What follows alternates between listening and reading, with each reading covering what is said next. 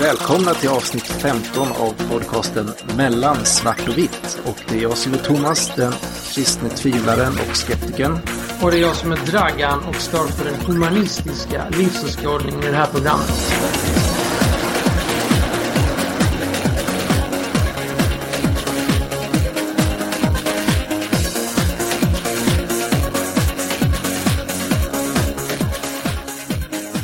Då var det söndag igen.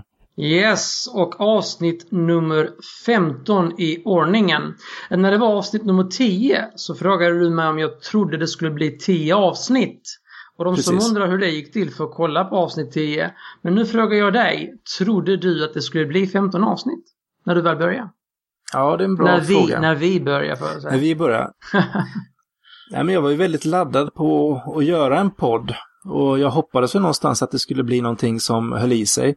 Sen när jag frågade dig om du ville köra så hade jag ingen aning om hur kul du skulle tycka att det var. Det hade inte jag heller, men det lät som en kul idé i alla fall. När var det, var det från början direkt som du tyckte att ja, men det här var kul? Eller liksom kom det först efter några avsnitt? Minns du inte det Thomas? ja, du, du, du frågade mig så här, du jag har funderat på det här, köra en podd och bla bla bla. Jag tror att det tog mig några sekunder bara, nej men det Jo, där men jag vet du, du hakade på direkt, men jag menar när, när vi gjorde det. Mm.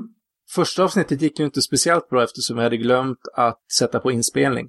Ja men det där, det där, vi fick ju ett bra genrep i alla fall. Ja, precis. Men sen, sen började vi köra. Ja, ja. Men, eh, nej men jag, jag har nog tyckt det var rätt kul hela tiden. Och nu Ja. har vi ju fått snurr på det hela om man säger som så. Jo, precis. Bara För det, blir ju lite som en drog. Eh, Man vill bara ha mer. Men eh, det kan ju också vara ganska mycket ångest när veckan går och man inte har spikat ett ämne och börjar känna pressen. Fast det har jag aldrig känt riktigt, den här ångesten. Du kände ju det redan efter första avsnittet kommer jag ihåg. Jo, men sen är det väl lite också, har man gjort någonting som man är himla nöjd med så eh, Det var det man efter första liksom inte... avsnittet alltså. Nej, nej det var, jag, menar, jag menar sen, vid några avsnitt som man känner sig rätt nöjd med så, här, så vill man ju gärna fortsätta göra bra grejer. Mm, mm. Men eh, jag tycker också ibland så har vi haft flera grejer bokade. Eh, det har vi ju faktiskt också nu de närmsta veckorna har vi lite bra grejer på gång. Så att Ja. eh, då går man nästan runt och myser lite och är himla nöjd hela tiden. Så att, Och sen så blir de uppskjutna. ja. Men jag tror en, en himla viktig grej var faktiskt att vi bestämde att köra varje vecka. Så att det inte blir någonting som, ja, men som det är någonting som man lever med hela tiden så att man kan köra på. ja. Eh, och sen att vi inte, ja, vi började med att inte ta sommarlov. Nej. Det, Men eh, vi börjar ju strax innan sommarlovet också, får man ju tillägga. Så tror du vi kommer att köra jul och nyår? Jag tror det. Vad tror du? Ja. ja, det känns ju lite så. Ja. Sen har vi en milstolpe som du gärna får berätta om. Ja, vi har idag någon gång, jag vet inte om det var i eftermiddags, så nådde vi tusen unika IP-nummer som har laddat ner mer än ett avsnitt. Man får ju säga IP-nummer här, för om jag skulle säga lyssnare så skulle man väl bli påhoppad av någon viktig Petter på Twitter. Det det, innebär man alltså att... blivit, det har man ju blivit någon gång då och då. Så säger du? Mm. Inga namn nämnda. Nej, okej, okej. Nej, Vi får hoppas att ingen känner sig träffad där ute. Men eh, det är ju rätt fantastiskt faktiskt tycker jag att eh, det är i alla fall tusen olika datorer någonstans där det har laddats ner mer än ett avsnitt av vår lilla skitpodd. Ja, skit och skit. Vi är rätt så duktiga på att klappa oss om bröstet, är vi inte det? Ja, när ingen annan hör. Ja, precis. Fast nu hör ju en del. Nej, för man ska inte klappa sig för bröstet annars. Ska man Nej, det är sant. Det är sant. Men, det har, Men. Ju hänt, det har ju hänt lite roliga saker i veckan tycker jag. Ja, du har ju varit väldigt exalterad, Ja, så det tycker du? känns det som. Jaha. Ja, ja, men eh, det jag kan nämna som jag sådär kommer på. Man kan säga så här, det är mycket pussy inblandat. Mycket Pussy Riot i Ryssland kan man säga. Ja, men det andra hade väl också viss pussy-anknytning. Ja, det är det. Det är även lite Pussy-anknytning i Assange-fallet som vi kommer att komma Vi till. får akta här att vi inte får sån här eh, explicit rating på eh, iTunes nu. Nej, nej det får För vi det var ju rätt lite- kul faktiskt. Vi hade ju det här avsnittet med himlen är lika med Nordkorea och Brad Pitt Mm. om religion. Har du sett Och- att det blir censurerat? Ja, jag såg det. Fan vad kul det det, var. står Brad P- Stjärna It eller något sånt där på iTunes. Jag blev jätteförvånad, Ja, ja, men sen så ja, det- insåg jag ju varför. Ja, precis. Jag blev också förvånad först och tänkte okej. Ja, That's så vi får döpa det här avsnittet till någonting annat än puss helt enkelt. Fast Pussy Riot det är väl ett välkänt uttryck som används flitigt i väldigt många tidningar eh, runt om i världen med tanke på Rysslands lilla dom på två år på dem. Ja, du får förklara det för mig. Jag är lätt insatt. Du har inte hört talas om det riktigt? Jo, jag har hört talas om det. Jag har sett tweetar och jag har läst lite och jag har sett någon YouTube-klipp där det springer runt ett gäng tjejer med någon himla rosa rånarluva på sig och stojar och grejer. Men du får gärna ja, förklara. Okay, okay. Nej, det är ju en eh, grupp då, eh, tre tjejer, som eh, gjorde en statement i en rysk katedral. Ja. Eh, de eh, gick in där och körde en performance på en minut. De körde sin låt då och den låten var ju kritik mot Putin och hans eh, connections då till den rysk-ortodoxa ledningen. För den rysk-ortodoxa ledningen har alltså öppet gått ut och stött Putin i valet. Mm. Och deras... Det är som om Svenska kyrkan skulle stött... Uh... Stött Reinfeldt liksom. ja, här... eller vad heter han? Löfven? Eller Löven. Eller Reinfeldt. Alltså, ja. det, hade ju inte, det hade ju inte funkat här överhuvudtaget. Men Nej, i precis. Ryssland går det ju hem tydligen. Där kan man, där kan alltså den ryska ortodoxa kyrkan stå och säga till folk att de är bakom Putin för han är liksom bäst då. Men hade de ett planerat gig i den här kyrkan eller? Nej, nej, det här var ju en, eh, vad heter alltså de, de gick ju in och körde sitt race och så, så blev de ju, alltså det tog ju bara en minut sen så åkte ju säkerhetsvakter upp och Ja, för man, hör, man hann inte höra så mycket vad de sa tyckte jag och så här, men jag antar att budskapet har gått fram verkar det Ja, budskapet är ju deras kritik mot uh, den ortodoxa kyrkans stöd för Putin i valet. Ja. De tyckte Nej, det, det var okej. Okay. Det är klart värt att demonstrera mot. Det, det är yttrandefrihet skulle jag vilja säga. Det är det ju och sen så tror jag någonting som vi båda är överens om, trots våra olika eh, ja, vinklingar på, på livet, är väl att ändå att eh, kyrkan och staten ska vara åtskilda. Ja, ja. Det här är ju ett tydligt nederlag i kampen för yttrandefrihet och den sekulära staten. Mm. Ehm, alltså Sen får det... vi se lite vad det landar. Mm. Jag kommer ihåg att uh, i ett tidigare avsnitt så nämnde du att det, såg ju inte, det såg ju inte så bra ut i totalitära stater där till exempel kommunismen hade härjat och där det inte fanns någon religion. Alltså det såg inte så snyggt ut där med yttrandefrihet etc. Men det här är ju ett absurt exempel på religionens farliga återkomst.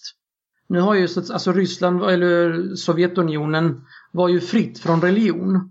Men nu har, ju, nu har ju så att säga eh, religionen gjort ett återtåg när Putin då vill ge någon sorts identitet till Ryssland, Ryssland då och återinföra den ortodoxa religionen då.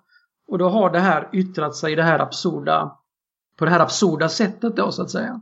Ofta så är det ju de, de små människorna som, eh, som slås ner av ett större, en större maktapparat. Sen om det är några demonstranter som demonstrerar mot att eh, en eh, stor hierarkisk kyrka lierar sig med staten eller om det är några troende som eh, berättar om sin tro i en totalitär stat. Det liknar ju varandra rätt så mycket kan jag tycka och vad det handlar om är ju att de här hierarkiska maktstrukturerna, om de då är politiska eller religiösa, det är ju de som, som är det problematiska. Ja, där är vi nog rätt så eniga. Så är det ju. För mig, om det är religiöst eller inte, spelar inte så stor roll. För jag, mm. jag, jag ser det liksom som att eh, det har inte så mycket med personlig tro att göra och det är väl personlig tro som jag är intresserad av. Sen religiösa maktstrukturer eh, ger jag inte så där jättemycket för. Mm. Nej, men där är vi nog rätt så eniga. Så eh, de där två åren, alltså de där två åren som Pussy Riot fick, det är ju rent patetiskt. Jag tror det kommer att bli två år till sista. Jag vet inte om de kan, de, jag vet inte om de kan eh, överklaga detta, kan de det? jag vet inte, det, det, är ju rätt så mycket badwill. Eh, alltså det, pate det patetiska i det ryska rättssystemet är ju att om du kollar eh, rent empiriskt så är det som så att det är mindre än en procent av alla domar där personer blir friade. Okay. Det är ju rätt så rejält om man säger som så. Det och, får man säga. Eh, alltså man kan väl säga att rättsväsendet, alltså polisen och åklagare, de ser det som ett nederlag när någon blir friad. Så de mm. gör ju allting för att liksom det ska bli något, något utav det. Och om man jämför något liknande i Sverige skulle, skulle, skulle du gå och ta en fotboll och spela spela fotboll i, i Lunds domkyrka och vilja säga någonting där liksom i något sammanhang så hade du maximalt fått böter för men det här är ju två år. Alltså två år är lite tufft. Det är ju lite tufft va. Så, så vi är väl rätt eniga för, eh, för en minuts framträde. Ja, precis. ja, precis. De liksom... blir ju dömda för huliganism. Ja. Och för hot mot troende. Som inte alls Men hade med det de inte för dålig klädstil då? nej, nej, Det, var, det var inte alls i domen då. Ja, men det blir intressant att följa hur det här slutar. Ja, det var något och... mer som du hade reagerat på i veckan? Ja. Sen har vi ju den härliga följetongen Assange-fallet. Han har ju sökt politisk asyl i Ecuador. Ja, just det. Ja, vad, vad är dina synpunkter på det? Var det hans mamma som sa att han kunde ägna sig åt klättring? Ja, det har jag missat helt. Det, har jag ja, nej, det är väl ungefär som det som jag har uppfattat. Har du läst på Aftonbladet? ja, kanske Men jag håller mig ju till mer eh, seriösa tidningar som Dagens Nyheter och sånt. Va? Ja, var det där det var lite så här tvivelaktiga debattartiklar, eller hur var det? Ja, det var ju en debattartikel där som vi inte ska ta upp här i och för sig, men vi skulle ha kunnat ta upp den. Ja, jag vet mer än vad du tror. Vet du. du vet mer än vad jag tror, men den, har ju, den där debattartikeln har ju sågats något fenomenalt på Twitter. Ja. Mm. Men jag hävdar ju fortfarande att jag tycker att jag tycker fortfarande att det är en bra artikel. Okay. Jag tycker de har eh, slått huvudet på spiken så att säga. Ja. Jag kan inte säga att jag orkade läsa igenom den. Men, så du eh, läste inte ens igenom den? Ja, men jag kanske skummade. Men jag tror lite... Ja, eh, spann den inte rätt mycket på den här konspirationsidén, eh, eller? Ja, det var kanske inte det som jag mest... Eh, men, men det är ju... Det är ju jag tycker det ligger något i det. Alltså. Ja, för jag hade jag har en kompis som redogjorde för, för flashbacks eh, ja, teorier, vad som har hänt. En kompis som, alltså hur kan du ens beblanda DN med Flashback? Nej, det, det gjorde jag inte heller. Nej. Jag bara säger lite vad jag har fått för, eh, ja, vad jag har för background info här. Och så Från att en Flashback? Kompis, jag bara säger att jag känner till den storyn. Ja. Okay. Så att fortsätt. Ja. Jo, nej, jag tänkte bara kommentera vad, vad tycker, eller du kanske inte följt Assange-fallet överhuvudtaget? Jo, det har jag det här med att hans mamma, du har gjort det? Men vad tycker ja. du nu om att han efter att ska ha utlämnats till Sverige då mm. eh, hoppar in i Ecuadors ambassad och söker politisk asyl och får det? Vad tycker du om det? Ja, det är ju helt upp till honom att söka asyl. Han, tydligen så hade han ingen lust att komma till Sverige. Så, Nej, det förstår jag ju. Och sen att Ecuador ger honom asyl, det verkar ju som jag vet inte om det finns så mycket att säga om det faktiskt. Det är ju en annan, en annan anmärkningsbar händelse är ju att Storbritannien hotade med att storma ambassaden. Ja, det låter lite häftigt. Men alltså hur tänkte de då? Det vet jag inte. Och varför är det, det så? Det enda som jag reagerade på när jag fick höra hela den här berättelsen då, för jag, jag har inte varit insatt i alla de här små detaljerna i det här fallet. Det är väl två saker som jag kunnat konstatera. Det ena är att jag tycker det är väldigt märkligt eh, om man då som den här, en av kvinnorna hade gjort och haft eh, sex med honom och sen velat göra en hiv-test på honom. Mm. Jag tycker om man vill kolla om man har hiv, då kollar man väl ett sig test själv. på sig själv. Eller? Ja, det känns logiskt. Sen man, man, går ut och så har man sex med någon och sen tänker man shit, tänk om jag har fått hiv. Jag måste försöka få den här personen att testa sig. Eller? Ja, det är rätt patetiskt. Och sen Visst den andra grejen, det är att konstatera att, eh, att det är många stora män som har fallit på grund av att de inte har kunnat hålla Petter Niklas i styr. Ja. Oavsett vad som har hänt. Ja. Så är det kanske dumt att vara för sexuellt, eh, vad ska man säga, vidlyftig. Ja, men jag tror när man har alltså... den typen av position. Ja, fast det här som hände Assange, sånt kan ju bara hända i Sverige. Alltså i, i vilket annat land som helst så hade de ju skrattat bara.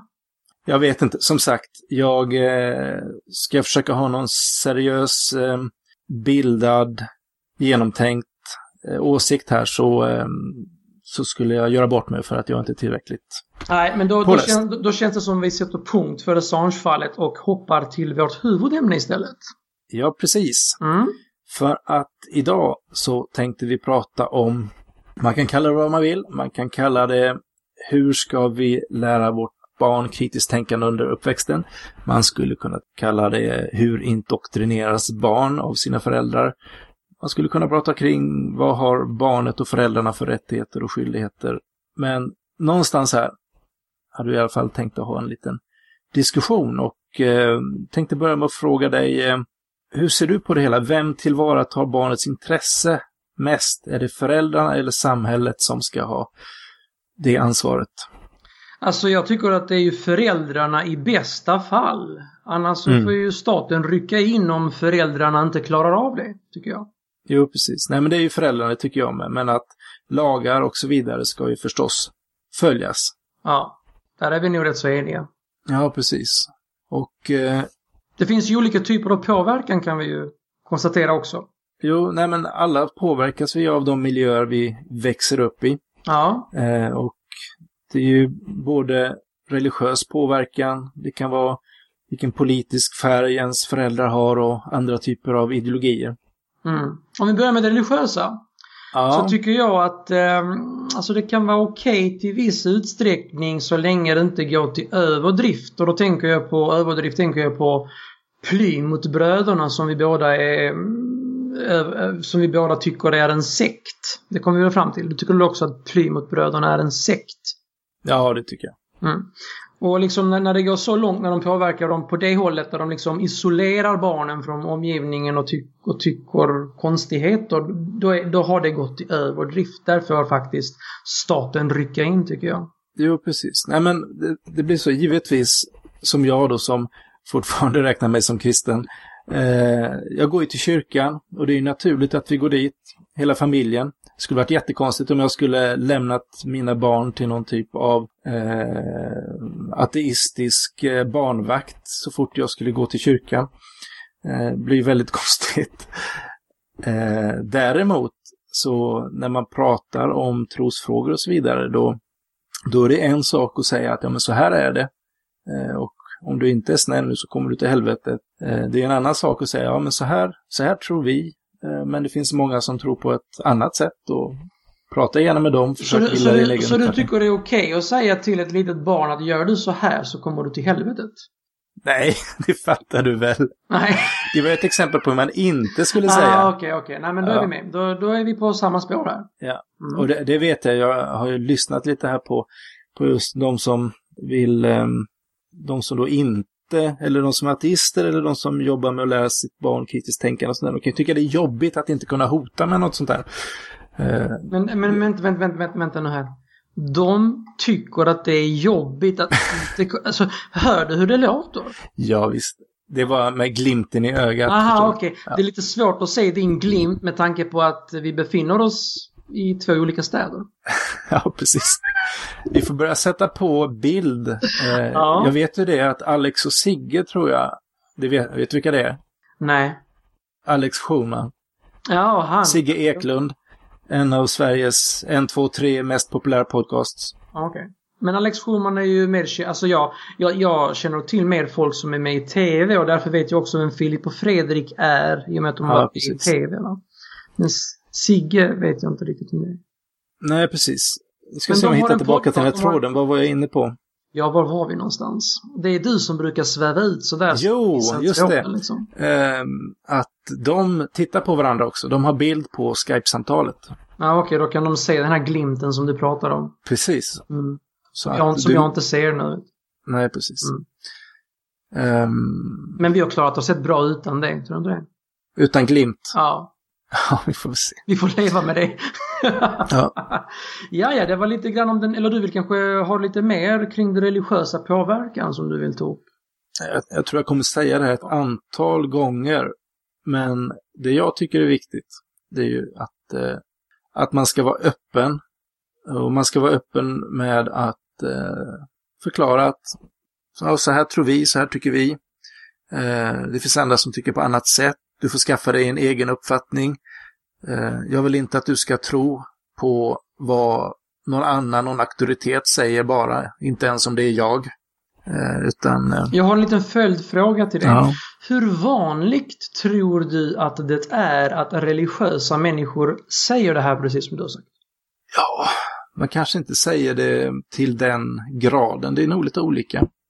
Men vad, hur faktiskt. tror du? Hur, hur stor, alltså, tror du det är många som gör? Tror du det är en övervägande del som, som, som är så pass korrekta som du sa? Eller tror du att alltså, de flesta När du säger religiösa helst... människor så pratar vi om en väldigt, väldigt stor grupp. Ja, men jag som menar ser väldigt, väldigt stor... olika ut. Så ja. därför så har jag faktiskt väldigt svårt att eh, ta någon gissning.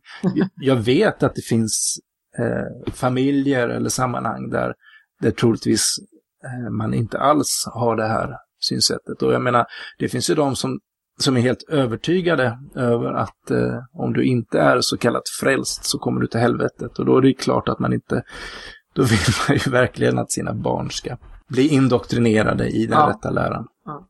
Men eh, om man är som jag, eh, tvivlande och ifrågasättande och så vidare, så är det ju väldigt konstigt om man skulle eh, om ja, du inte hade varit tvivlande och ifrågasättande, hur, vad tror du du hade sagt till dina barn då? Alltså jag hoppas ju ändå att jag skulle ha ett... Eh, jag menar det, det är ju så med uppfostrade barn också att vi... Man har dem till låns och eh, det man vill är ge dem de bästa förutsättningarna som de kan få. Jag tror även där, även om man har en, eh, en väldigt övertygad tro så vill man ju att de ska hitta sin, sin egen personliga relation med, med Gud eller med Jesus och, och så. Så att eh, det brukar ju heta så att man kan inte leva på någon annans tro eller på sina föräldrars tro. Utan eh, man skulle nog vilja ge bra förutsättningar men låta dem sen hitta sin egen väg. Det, mm. det tror jag. Jag menar, även om jag skulle varit mer eh, övertygad än vad jag är nu så, så skulle jag ju ändå i mångt och mycket vara samma person. Med, med många samma värderingar. Så bara för att man är tvivlar ja, eller men det, perioder man det, är mer ifrågasättande så är man ju inte en helt annan person. nej, men det har inte med liksom. en helt annan person att göra utan alltså, är man säker på sin sak så mm. förmedlar mm. man ju det man säger på ett helt annat sätt än om man inte är Jo, visst. Men här tycker jag kommer man in lite på som jag vet som har diskuterats på Twitter idag. Eh, just det här med kritiskt tänkande och eh, då bland troende och icke-troende. Eh, mm. Och jag vet lite att du förde den här frågan då att eh, ja, just de, de troende, de, de är det för att de inte är tillräckligt kritiskt tänkande. Ehm. Just när det gäller deras tro. Alltså, jo, alltså men, det... men det är ju så här att jag tror att de flesta troende ja. är i mångt och mycket eh, kritiska eller tvivlande till det de tror på. Jag tror det, det är en naturlig del av tron, ett tvivel. Jag tror inte det faktiskt. Så att jag är så eh, övertygad om det. Det kan ju kännas lite grann så här när vi diskuterar eller när jag ser vad du skriver på Twitter. Som att du är så bensäker på de saker du säger så att jag tycker inte riktigt att du kritiskt ifrågasätter dina synpunkter. Hur ska jag kritiskt ifrågasätta mina synpunkter i den här frågan? Nej, men om man, om man är rent naturalistisk eller om man eh, är helt vad man nu ska säga, ateist eller så vidare, så behöver man ju ändå utmana de ställningstaganden som man själv har gjort i de frågorna. Förstår du vad jag menar? Jag förstår precis vad du menar, men alltså jag har ju sagt, alltså min ståndpunkt är att går det inte någonting att bevisa så finns det inte. Och, och det är ju min ståndpunkt och då, då, då blir det ju lite svårt att, att sätta sig in i den andra. Jo, det är klart, men även den ståndpunkten måste du ju ibland ifrågasätta. Eller? Måste jag det?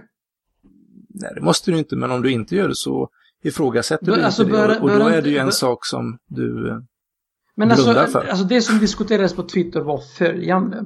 Det var att vi diskuterade kri kritiskt tänkande och att just troende kunde mycket väl vara väldigt kritiska lika kritiskt tänkande och till och med mer än ateister. Men just när det handlar om deras tro, då finns det någon sorts spärr där. Mm. Så att säga, det var det vi diskuterade. Ja, och, och, den spärren tror jag att du har lyckats ta bort på något sätt. Det I, och med att, I och med att du har blivit tvivlande. Ja, men jag har ju varit sättet... tvivlande länge. Sen så kanske jag blivit ja. mer tvivlande. Så frågan är liksom om, är det en spärr eller är det en, är det en gråskala vi pratar om? Eller är det... Jo men alltså... um, hur ska jag förklara det här på ett annat sätt? Um, just när det gäller troende ja. och kritiskt tänkande så skulle jag vilja säga att eh, när det inte handlar om deras tro så kan de ju vara mer kritiska eller mindre kritiska än vilken ateist eller humanist som helst. Men Mm. jag, jag, jag har fått den i alla fall. När, när det handlar om tro, då blir det någon sorts spärr där. Mm. Och då, rör inte det där. Det där är min tro. Jag tror på mina sagor. Låt mig tro på dem liksom. Och sen Men, så, men sen, nu sen menar så, du att, jag inte har den spärren? Jag tror du har lyckats luckra upp den lite grann. För att eh, bli tro... eh, tr- Alltså, jag, jag diskuterade med en annan eh, astrospjutet och han var, vi var väl lite på samma linje där. att eh, Tar man bort eller ruckar man lite på den spärren då blir man starkt tvivlande eller till och med ateist. Mm. Vilket, Usch, ja. i, vilket jag... jag Vilket alltså, öde! men, men du är, man skulle väl kunna beteckna dig som starkt tvivlande? Jo, det kan man göra. Ja, så därför, därför jag tycker att du har kanske ruckat på den spärren lite grann. Ja. Sen vi får se, jag får väl utsätta dig för sådana som är lite mer, eller lite mindre tvivlande än vad jag är. Ja, det kan vi Eftersom, gärna göra. eh, Vi kan, alltså jag, jag, Eftersom du jag, kanske har lite fördomar.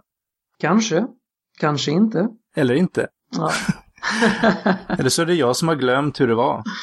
det är väl kanske så. Men nog om det religiösa påverkan nu. Ja, Nu det var en liten utsvävning. Ja, Eh, som vanligt. Och du, Vi får en- se om vi har kan hitta jävla, tillbaka. Har inte du en bra tendens till att sväva ut, Thomas? Jo, det Det har du. Därför, därför är jag här och liksom rycker in dig igen till, till the reality här. Och nu går vi vidare till politisk påverkan, tycker jag. Ja, just det. Vi pratar om olika typer av påverkan. Det känns som att vi har avhandlat, eller ja, lite grann i alla fall, det här med den, religiösa påverkan. Det finns ju även politisk påverkan som man kan ha eh, till sina barn. Och personligen tycker jag att eh, ja, vänster, höger, alltså det är okej så, l- så länge inte de demokratiska värderingarna förringas. Nej, det är sant. Vad är din eh, syn på det? Ja, men det är ju samma sak där, att eh, man kan ju inte låtsas vara någon annan än där man är. Och eh, om, om då ens, eh, ja, de personer som står en närmast, ens föräldrar, eh, lever och eh, har en viss politisk åsikt så är det ju, då blir man ju påverkad av den. Sen en sak som slår mig både här när vi pratar religiöst och politiskt, det är ju att en naturlig del i uppväxten är ju att slå sig fri. Och där så han, kan det ofta bli så att man gör uppror mot föräldrarna och föräldrarnas eh, åsikt. Mm. Eh, Och det kan ju också vara så under uppväxten att man kommer i konflikt kring vissa eh, bitar då. Som gör att man sen gör, gör en större, större eh, revolt. Mm. Sant och riktigt. Eh, har du några fler politiska utsvävningar att komma med? Politiska. Mm. Nej, men jag tyckte du sa det bra där med att, eh, att så länge inte de demokratiska värderingarna förringas så, Mm. så är det väl ingen större varningsflagga där. Mm. För att jag tror nog att det, det, det- är ju en utopi att man kan uppfostra sina barn objektivt. Mm. Alltså det är, Det nog, det är nog mer eller mindre omöjligt. Utan jag tror det bästa är att uppfostra barnen, förutom med kärlek och allt det som är det allra viktigaste, att utrusta dem med kritiskt tänkande, Ja. tolerans och en, ska man säga, en stor världsbild. Inte se snävt utan att de får se, uppleva många olika saker, ta mycket intryck, Mm. eh, tror jag är viktigt. Mm. Ja, och eh, jag tycker att den kommuna de kommunala skolorna tycker jag lyckats relativt bra med att upplysa om alternativ till icke-objektiv indoktrinering, om du förstår vad jag menar. Du får gärna utveckla. Ja, låt oss säga att eh, det är en familj som är Plymouthbröder liksom och så sitter de och eh, förklarar de här konstigheterna för sina barn. Mm. Eh, om de sen blir skickade till en, till en kommunal skola så har ju de sin läroplan och eh, de värderingar som de står för. Och då blir de ju upplysta om ett alternativ till. Jo, men även Plymouthbröderna, om de ska ha en egen skola, måste ju följa läroplanen. Ja, men eh, eh, vi hade ju det här Men det Det- vet vi ju att det inte är så lätt. Nej, och liksom det, För det, dem. det, det är väldigt enkelt för Plymouthbröderna Ja. att kryssa i rätt, rätt formulär så att säga. Jo, och sen ändå så är det ju så här, om man har det, ett va? stängt sammanhang, även om man jobbar igenom en läroplan så kan man ju ändå genomsyra en skolmiljö starkt eh, med eh, åsikter och eh, ja, trosföresatser och liknande. Men jag är ju emot eh, de här, eh, vad heter det, friskolorna. Speciellt mm. de, de religiösa då. Hur, hur ställer du dig till det? Det är väl lite med blandade känslor kan jag tycka. Bara för dels så är jag väldigt mycket för valfrihet, alltså liberala värderingar, att var och en ska få möjlighet att välja själva. Jag är inte sådär mycket för att staten ska bestämma att alla ska få likadant och sånt där för att det ska vara så, utan eh, jag tycker på sitt sätt om att det finns pluralism och möjlighet att eh, ja, ta egna initiativ och, och göra saker. Sen kan jag tycka att problemet med friskolor, även om det är upp till var och en att sätta dem i vilken skola som helst, så ökade segregationen. Ja, eh, det blir ja. lätt likriktning, även om det bara är en skola som har en lite annorlunda pedagogik, så är det ju inte alla som söker sig till en sån skola. Och eh, när det gäller till exempel religiösa friskolor och så vidare så det blir ju en skyddad verkstad. Jag kan ju känna, jag har ju aldrig gått i någon typ av eh, kristen friskola till exempel. Och eh, det fanns nog perioder under min skoltid där jag kanske skulle tyckt att det skulle varit gött. så, mm. för jag växte upp eh, i stort sett ensam kristen på min skola och det var inte alltid så lätt. Eh, och jag hade kompisar som bodde på andra ställen i landet som gick i kristna skolor och eh, kunde vara lite avundsjuk. Men nu efteråt så kan jag ändå tycka att det var bra att jag inte gjorde det för att det har ju gjort att man har man har, fått en, man har fått erfarenheter som man inte skulle haft annars. Eh, lärt känna andra människor och, mm. och annat. Va? Alltså det största problemet med eh, friskolor eh, överlag och i synnerhet när det gäller religiösa är ju att eh, det är mindre insyn från myndigheternas sida gällande till exempel demokratiska värderingar, jämlikhet mellan könen etc. Det kan ju bli ett problem. Va? Är det mindre insyn? Det kanske ja, det är. Alltså, vi, ja, alltså, alltså rent det... lagligt, de följer, de omfattas ju av samma regler. Ja, ja, men alltså de, de, men det är klart alltså, de, de, ska ju eh, fylla i, de ska ju fylla i, alltså det är mindre insyn. Men man kan väl säga så här att vad det är är ju att, att det, är en, det är ju en grupp av intressenter som har samma liksom, eh, de har ju ett syfte med skolan. Till exempel att de vill befrämja kristen tro eller någonting. Ja. Eh, och det gör ju att, eh, vad ska man säga, på en kommunal skola så finns det ju många som har olika, eh, de kommer ju från olika håll och inte, mm. de är inte sammangaddade helt enkelt. Nej, nej, det är ju olika människor från olika ställen som för samman. Och... Men jag tycker, men samtidigt, jag tycker det känns främmande liksom att förbjuda friskolor. Alltså, vad är det då ah, jag, för land? Jag tycker inte alls det är främmande. Jag, jag, jag tycker man ska göra det. Alla friskolor? Jag är inte jätteinsatt men med tanke på det som finns med det här, de här religiösa, jag, jag, tror de här religiösa, religiösa skolorna, det är mest i ondo. I ökad segregering och ingen insyn och konstiga eh, värderingar gällande jämlikhet och demokrati etc. Det, det mm. tror jag är en fara för barn alltså. Jag har ingen detaljkunskap kring alltså hur det är med insynen med skolor och så vidare. Så att jag kan inte sätta någon Nej, vi är, definitiv. väl inga, vi är väl inga experter på det men Nej, och det ska, man, det ska man definitivt inte glömma i den här podcasten, att vi är två väldigt glada och väldigt eh, mycket amatörer inom många olika ämnen. Mm. Men och, vi ser ju det här som en läroprocess också, eller hur? Och så ser vi, så ser vi gärna till att väcka en tanke också. Precis. Mm. Jag ska vara öppen och personlig och säga att mina barn har ju gått på ett kristet dagis. Okej. Okay. Eh, okay. Men det har inte varit egentligen någon större jag vill säga, tanke bakom det, utan vi stod i kö på många olika dagis och kom inte in på det kommunala som låg nära oss. Och plötsligt fick vi då eh, okej okay från ett av de här eh, fria dagisen. Och eh, vi tyckte det såg jättemysigt och, bra ut. Och sådär. Men din fru då, är hon lika tvivlande eller, eller hon mer kristen än vad du är? Eller hur, hur, hur ställde hon sig till det här att en kristen eh, Nej, alltså, för oss är det väldigt naturligt. Jag menar, vi har ju massor med kristna vänner, vi känner oss hemma i kyrkan och allt sånt där. Så att eh, för oss är det ju inget konstigt så. Mm. Eh, och eh, vi är väl rätt så lika, jag och min fru, vad gäller vad vi är i vår tro. Hon är också tvivlande alltså? Ja, precis. Ja. Härligt. Men sen, ni sen kan jag säga så här, Mm. och jag menar, jag tycker det är en sak på dagis, men sen, sen är det klart, jag menar, sen blir det skola och jag har ju vänner som har sina barn på kristna skolor. Och det har jag full respekt för. Mm. Men jag kände väl själv att eh, ja, dels vill jag prioritera en skola som låg närmare. Att det, det, liksom, det känns, eh, istället för att skeppa bort barnen till en annan ända av stan för att de ska gå på en, en kristen skola kändes ju liksom knepigt.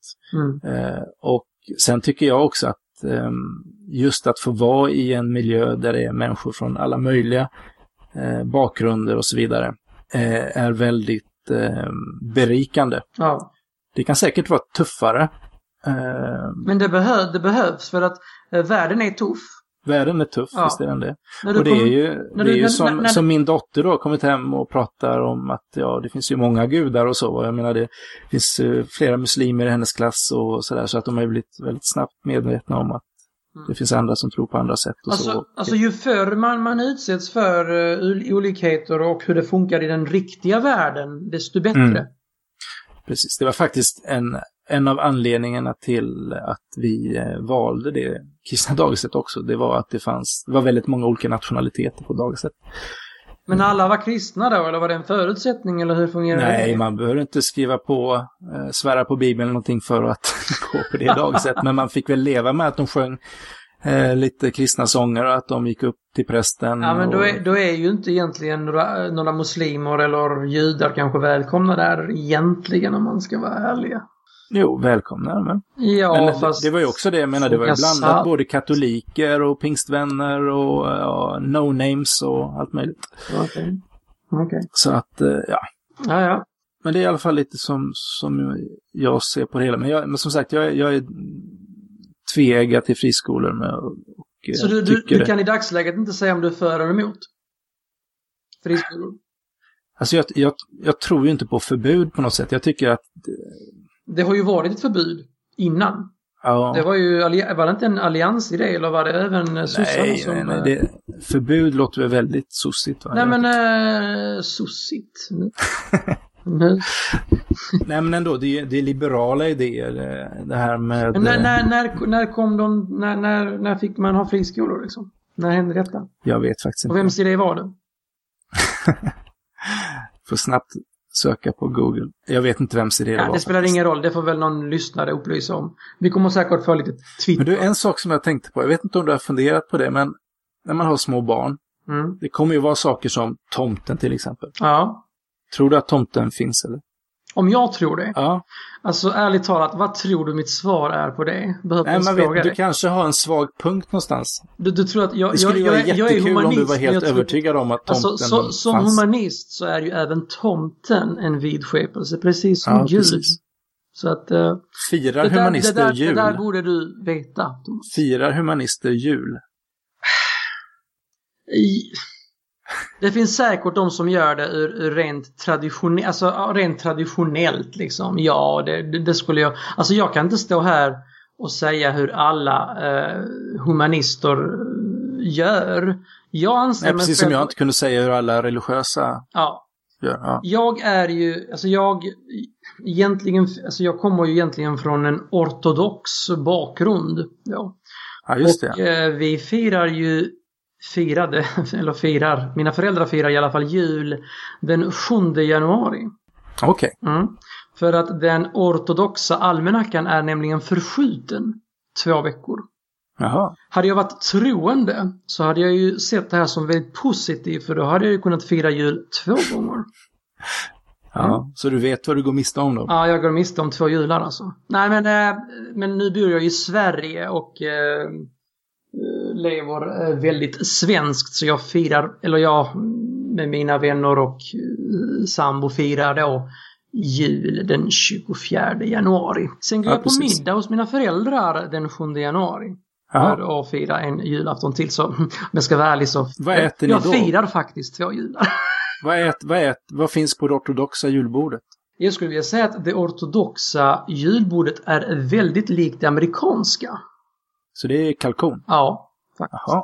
Och lite andra speciella rätter som jag inte kan riktigt översätta. Men eh, det, är lite, det är lite åt det amerikanska hållet om man ska, Om jag ska ge någon form av likhet mot vad kanske lyssnarna känner till. Om det är en okay. ortodox lyssnare så förstår de precis vad jag menar. Mm. Men hur, hur, tänker du, hur ska man egentligen, vad ska man säga till små barn om, om tomten och tandfen och sånt där? Är det, är det en del av barndomen att, att, det här ska, att det ska vara lite magiskt och att det här ska få finnas? Ja, det var en bra fråga. Alltså frågar du mig så tycker jag, alltså jag, jag anser att tomten... Bra fråga. Du får svara på det först, sen får jag tänka till här medan du svarar. Vad tycker du själv?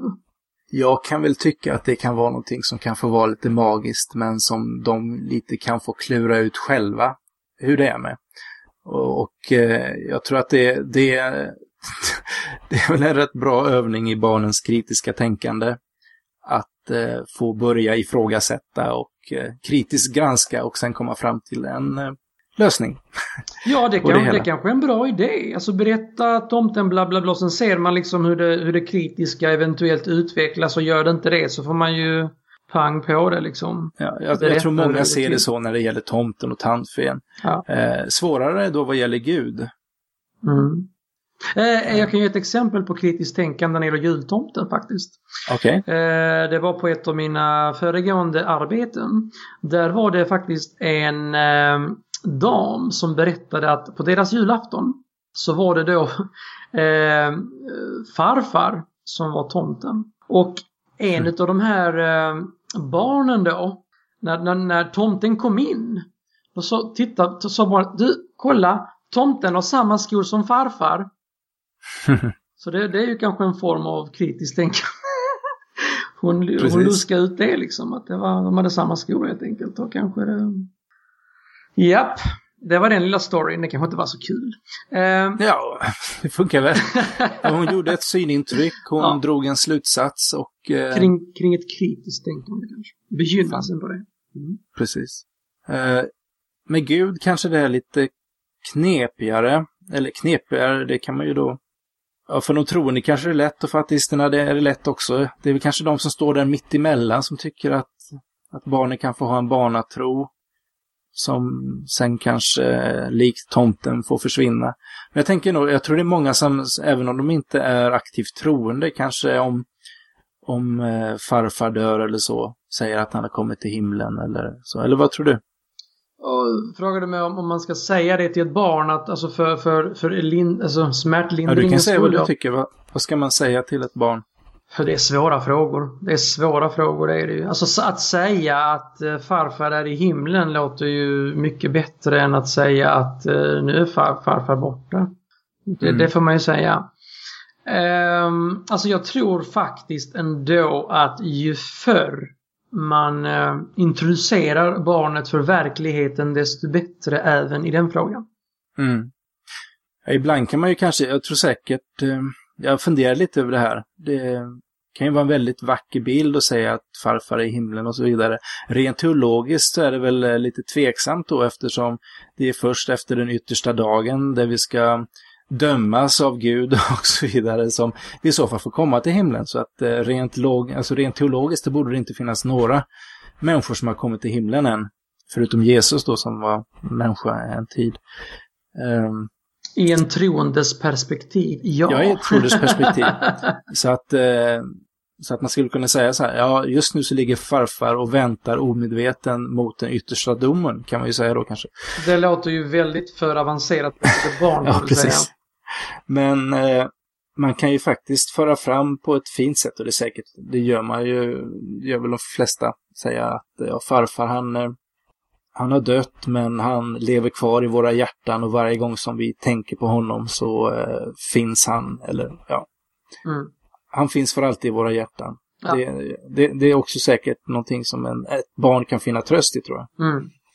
Eh, eller så får man ha en, eh, att ja, vi vet inte riktigt vad som händer men farfar har inte ont längre. Mm. och eh, vi kommer alltid att... För det är ju dock sant. Alltså om farfar dör så har han ju inte ont längre. Det vet vi ingenting om egentligen. Jo, det vet ja, ja nu, nu sitter vi här, du tvivlar och jag är väl mer säker på att... Uh... Jag tror inte heller att man har ont efter man har dött. Men, nej, ja. nej, men då, då är vi eniga. då är i alla fall det sant. Han har inte ont ja, i alla fall. Mm. Eh, jag tänkte faktiskt, eh, man blir lite nyfiken tycker jag när man pratar om de här frågorna, hur man egentligen själv hade det. Så att eh, jag ringde upp min mamma. Mm. Hej mamma! Hej hej! Hej! Du, jag eh, ringde och tänkte, jag håller på och ska prata lite om, eh, om uppfostran och tro och påverkan och lite sådana saker i, i podden. Så jag tänkte bara ringa och eh, ställa några frågor eller undra några saker. Okej. Eh, jag funderade på, då var jag väldigt liten, jag var väl tre år tror jag när, när farfar dog. Jag bara funderar på hur, vad sa ni till mig om det?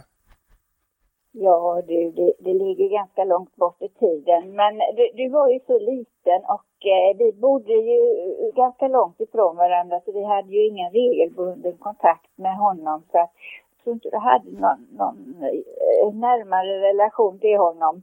Men jag, jag tror helt enkelt att vi bara sa, alltså det är troligt att vi bara sa att, eh, att farfar var gammal och sjuk och nu har han flyttat till himlen ungefär. Mm. Och eh, ja, vad, jag, vad jag förstår så var du nöjd med det och eh, du ställde inga frågor som jag minns eller någonting sånt utan eh, det...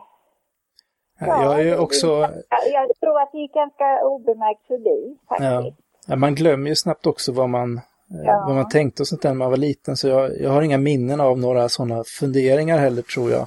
Alltså Nej, överhuvudtaget Jag har på... av att du blev speciellt ledsen eller så heller. Då ska det ju Jag tilläggas att det eh, min farfar då som var predikant, han dog på Ja. julaftons eller juldagens morgon, eller hur var det? Ja, du fick reda på det på julaftons morgon. Ja. Ja, precis. Så att... Eh, Så det var kanske en, lite andra saker som tog uppmärksamheten på kvällen där, lite roliga presenter och sånt där. Och... Ja, alltså det, det, Stig, din pappa blev, blev ju väldigt berörd och, och vi blev ledsna och så, men vi tänkte att vi, kan, vi måste ju ändå genomföra det här på ett bra sätt Mm. för din skull och så. Så att jag tror inte att eh, du märkte så där jättemycket av det faktiskt. Nej, Och det var inte han som skulle vara tomte det året heller. Nej, nej, nej, Nej. nej. Ja. Sen, eh, både du och pappa är ju eh, kristna och så. Jag funderar lite på, eh, var det viktigt för er att jag växte upp eh, och blev kristen, alltså att jag växte upp med en kristen tro? Ja, alltså det var ju naturligt för oss att vi tog med dig, att vi lät dig gå i söndagsskola och kyrkans barnverksamhet och sådana saker och att du, att du fick vara med när du ville. Men vi var nog ganska överens, jag och pappa tidigt, att det är inget som vi vill liksom pracka på eller tvinga på.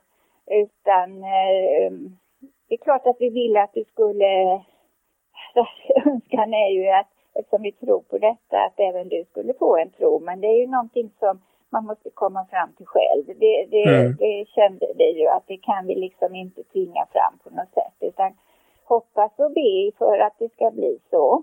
Mm. Ja. Nej, jag kan ju inte heller minnas några så här, alltså rent religiösa eller andliga krav.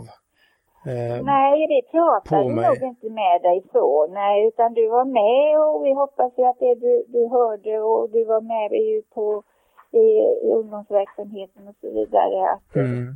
Men jag tror inte att man, vi, vi, vi pratade inte med dig i termer om att det här måste du liksom och det är det enda rätta och i den stilen. Nej, Det gjorde vi ju precis. inte.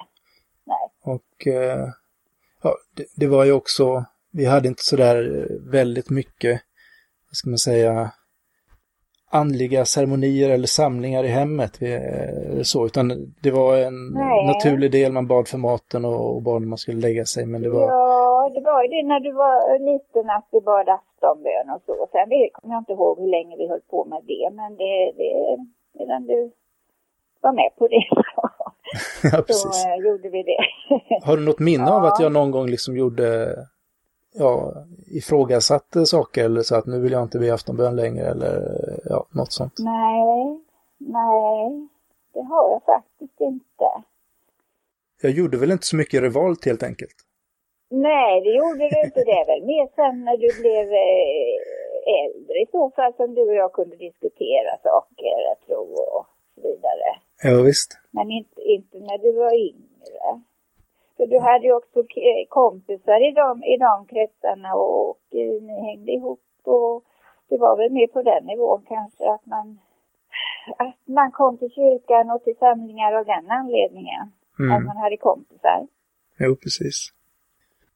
Sen, jag vet inte, tänkte ni speciellt på något sätt på att, eh, att det var viktigt att lära mig kritiskt tänkande eller hade ni någon, liksom, funderar ni i de termerna? Nej, vi funderar väl inte just så som du framställer det. var väl mer detta att man talade om man pratade väl om att inte alla människor tycker likadant och tror på samma sätt utan det finns många som tror på andra, på, på andra sätt och man får själv komma fram till sin övertygelse och så va. Mm. Eh, så att eh, på det, jag tror i alla fall att du var medveten om att det, det, det var inte det enda sättet som folk förhåller sig till tro och, och, och olika sådana frågor. Nej, om man är uppvuxen i ett av de mest sekulariserade ställena i hela världen som, ja, som ja, den delen jo. av landet som vi bodde i så var man jo, väl rätt så smärtsam medveten om att det fanns många som jo. tyckte annorlunda. Nej, men det är just det där som man läser, att eh, man läser som lärare och säger också att eh, man har rätt att säga så här tror jag. Men det finns många som tror på annat sätt. På, mm. Så. Så att det um, så att man inte liksom eh, prackar på just sin egen tro. Även om man, man hoppas ju att barnen ska, ska eh, komma fram till samma slutsats. Jo, man vill ju inte att de ska... På den tron. Nej, man vill ju inte gärna så att de ska brinna i helvetet. Nej, så kan Nej. uttrycka det om du vill. ja, precis. Ja, men jättesnällt att, äh, att vi kunde prata lite. Så ja. har det gott så hörs vi. Ja, alltid välkommen att prata för att det, det är väldigt intressant att prata om sådana här saker. Ja, du får lyssna in lite på podden också. För det har du inte gjort än va? Nej, tyvärr. Precis. Nej, men jag får väl göra det nu när jag är med på ett hörn. Ja, det får du göra. Okej, okay. ha det bra. Ja, men lycka till. Ja, ja hej, hej. hej. Ja, det var jag och min mamma. Yes! Och eh, jag tycker ändå att det kan nog förklara lite att jag har ju aldrig haft något direkt, eh, någon revolt mot eh, mina föräldrar eller min tro och sånt där. Och det tror jag också i och med att de, jag upplever inte som de har pressat på mig någonting utan att eh, jag ändå har fått, fått eh, välja mycket själv. Och eh, jag tror också som sagt att det, att det är viktigt att man, eh, att man förklarar för barn att det finns olika typer av av uppfattningar, både av tro och icke-tro, och att man, att man får bilda sin egen åsikt. Ja, då går vi vidare till eh, ett stående inslag från och med, från och med nu, ska vi säga. Och det är veckans bibelord och eh, veckans atheist quote. Yes. Ja, och eh, då börjar vi med veckans bibelord. Go ahead, jo. Thomas. Yes, Paulus skriver i första Korinthierbrevet 13, vers 1-13 är själva det sammanhanget. Yeah. Han skriver, eh, om jag känner alla hemligheterna och har hela kunskapen, om jag har all tro så att jag kan flytta berg, men saknar kärlek, är jag ingenting. Mm. Det låter ju bra och kan tolkas som väldigt positivt. Men det kan även tolkas som negativt om inte heteronormen är uppfylld för vissa människor. Och för många troende så är ju heteronormen väldigt viktig. Jo, men när vi pratar eh, kärlek här, det handlar ju liksom om att även om jag kan allting, även om jag kan debattera sönder alla på Twitter så att de gråter hela kvällen och att jag liksom så här, så om jag inte har kärlek så spelar det ingen roll. Och då, då, då, tolkar jag inte det som att det handlar om kärlek till en partner eller att ja, homo, hetero eller något sånt där, utan det handlar ja, vad som egentligen är viktigt i livet. Nej, ser man det så så är det bara positivt. Så det var ett eh, helt okej okay bibelord då? Jag skulle nog vilja säga att det är... Jag har ju hört väldigt många konstiga bibelord från våra kära kollegor, ateistbibeln, så att det här får jag väl säga låter betydligt bättre än någon av dem. Ja, tänk att det finns sådana också. Ja. Det får du köra. Ett ateistcitat då. Ett ateistcitat och det blir på engelska då. Religions like to teach children as they find them easier to convince than grown-ups. Och det är då Jeremy Hardy som har sagt detta.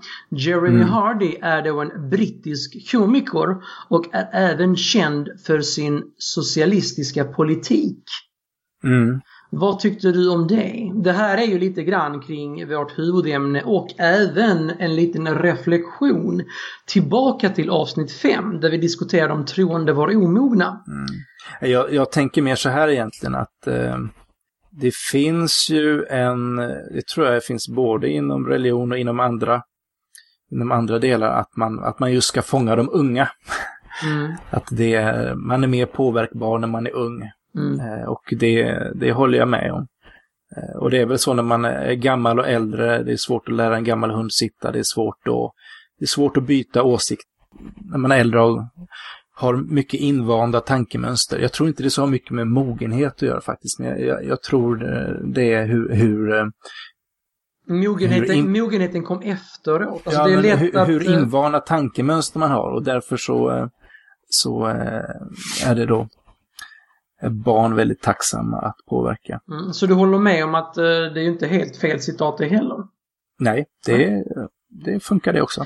Men det var väl härligt. Eh, två ja. citat som vi var väldigt eniga om. Ett atheist och ett religious liksom. Precis. Ska vi köra ett litet eftersnack också? För att annars, det är så här, jag har nio, åtta minuter kvar på, eh, på batteritiden och jag har glömt laddaren på jobbet. Så. Kanon. Vi kör eftersnack. För de som inte pallar längre, See ya next week. Eller uh, listen, att de får väl lyssna. Precis, ha det jättebra, men lyssna gärna in på eftersnacket. Det kan komma någonting kanske väldigt spännande. Ja. Så, ha det gott! Hej då!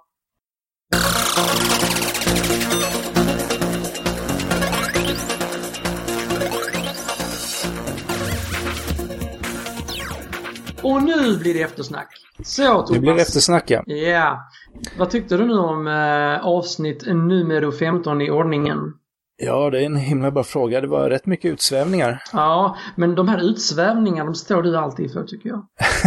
jo, alltså det... vad, står, vad, står, du för då? Jag tar tillbaka dig till, ditt, alltså, tillbaks till the reality skulle jag vilja säga. Det är din uppgift hela tiden. Det är min uppgift i det här programmet. Föra in mig i verkligheten. ja, vi tog ju upp allt. Uh, lite grann, lite nyheter då. Kring Pussy Riot och lite Assange. Ja. Och sen så var det ju vårt huvudämne då. Jo, och det måste jag säga, det glömde jag. Så att det är jättebra med lite eftersnack så man får eh, möjlighet att säga det. Jag lyssnade på ett helt fantastiskt podcastavsnitt eh, i podcasten Reasonable Doubts. Det är avsnitt 59 som handlar om parenting. Och eh, där eh, han som håller i, i den då, han, han gör, han tar upp det här med att eh, just det att uppfostra kritiskt tänkande barn på ett fantastiskt bra sätt. Han intervjuar sina barn eh, som är i olika åldrar och han pratar med olika personer då som, eh, som är insatta. Så att eh, glöm det som vi sa, höll jag på att säga, och eh, lyssna in på det avsnittet, nummer 59 på Reasonable Doubts. Jag vill lägga upp en länk till det. Vad sa du? Glöm Nej, det men... vi sa, så kan du inte säga. Nej, men han var så bra. han var så, så han var bättre än oss menar du? Ja, han var bättre än oss. Ja, men det där, alltså, det där är ingen bra reklam för oss kan jag säga det. Jo, men det är det väl. Att vi är kassa och de ska lyssna på något annat podcast. Nej, men jag sa inte att vi var kassa, jag sa att de var bra. Ja, och bättre än oss sa du också. Det är inte okej okay, alltså. Det tycker du inte? Nej, nej, nej. Men också så här, nu vet jag inte, hur blir det? Eh, kan du vara med hos imamen nästa vecka? Vi får se. Eh, troligen inte. Eh, ja, för det... nästa vecka, då blir det direktsänd muslimsk webb-tv. Antingen med Thomas och mig eller bara Thomas. Eh, det ja, är lite precis. oklart där. För att jag ja. har en lite viktig eh, sak som jag eventuellt måste fixa. Eh, men hur som helst så får vi väl anse att eftersnack får vara slut för den här gången. Eller mm, om, du inte, har, om du inte har något annat uh, viktigt att tillägga. Jag funderar på om det var något mer, men det, det kanske inte är. Nej. Och du var väl rätt så aktiv på Twitter nu så du får väl... Jag får gå tillbaks till mina... Du får väl svara på alla, alla arga meddelanden Alla arga meddelanden jag har fått här alltså. Ja, precis. Det blir kul. Ja, nej men det var gött. Yeah. Jag har satt spiken i kistan på en till så kör vi vidare. Tack för oss för den här veckan. Ha en men... underbar vecka. Hej då! Hej då! Du har lyssnat på podcasten Mellan svart och vitt. En podcast som handlar om tro, tvivel, skepticism och humanism. Om du gillar oss så gå gärna in på iTunes och ge oss höga betyg och fina recensioner så får vi ännu fler lyssnare. Ta gärna kontakt med oss. Eh, vi har Twitterkonto svart underscore vitt för programmet och eh, Thomas har Skeptvivlaren och Dragan har Dragan Humanist. Eh, vi har också en Facebook-sida. Du kan söka på mellan svart och vitt. Vår hemsida har adress mellansvartovitt.se och där kan man också kommentera de olika avsnitten. Och vår jingel är gjord av The Lounge.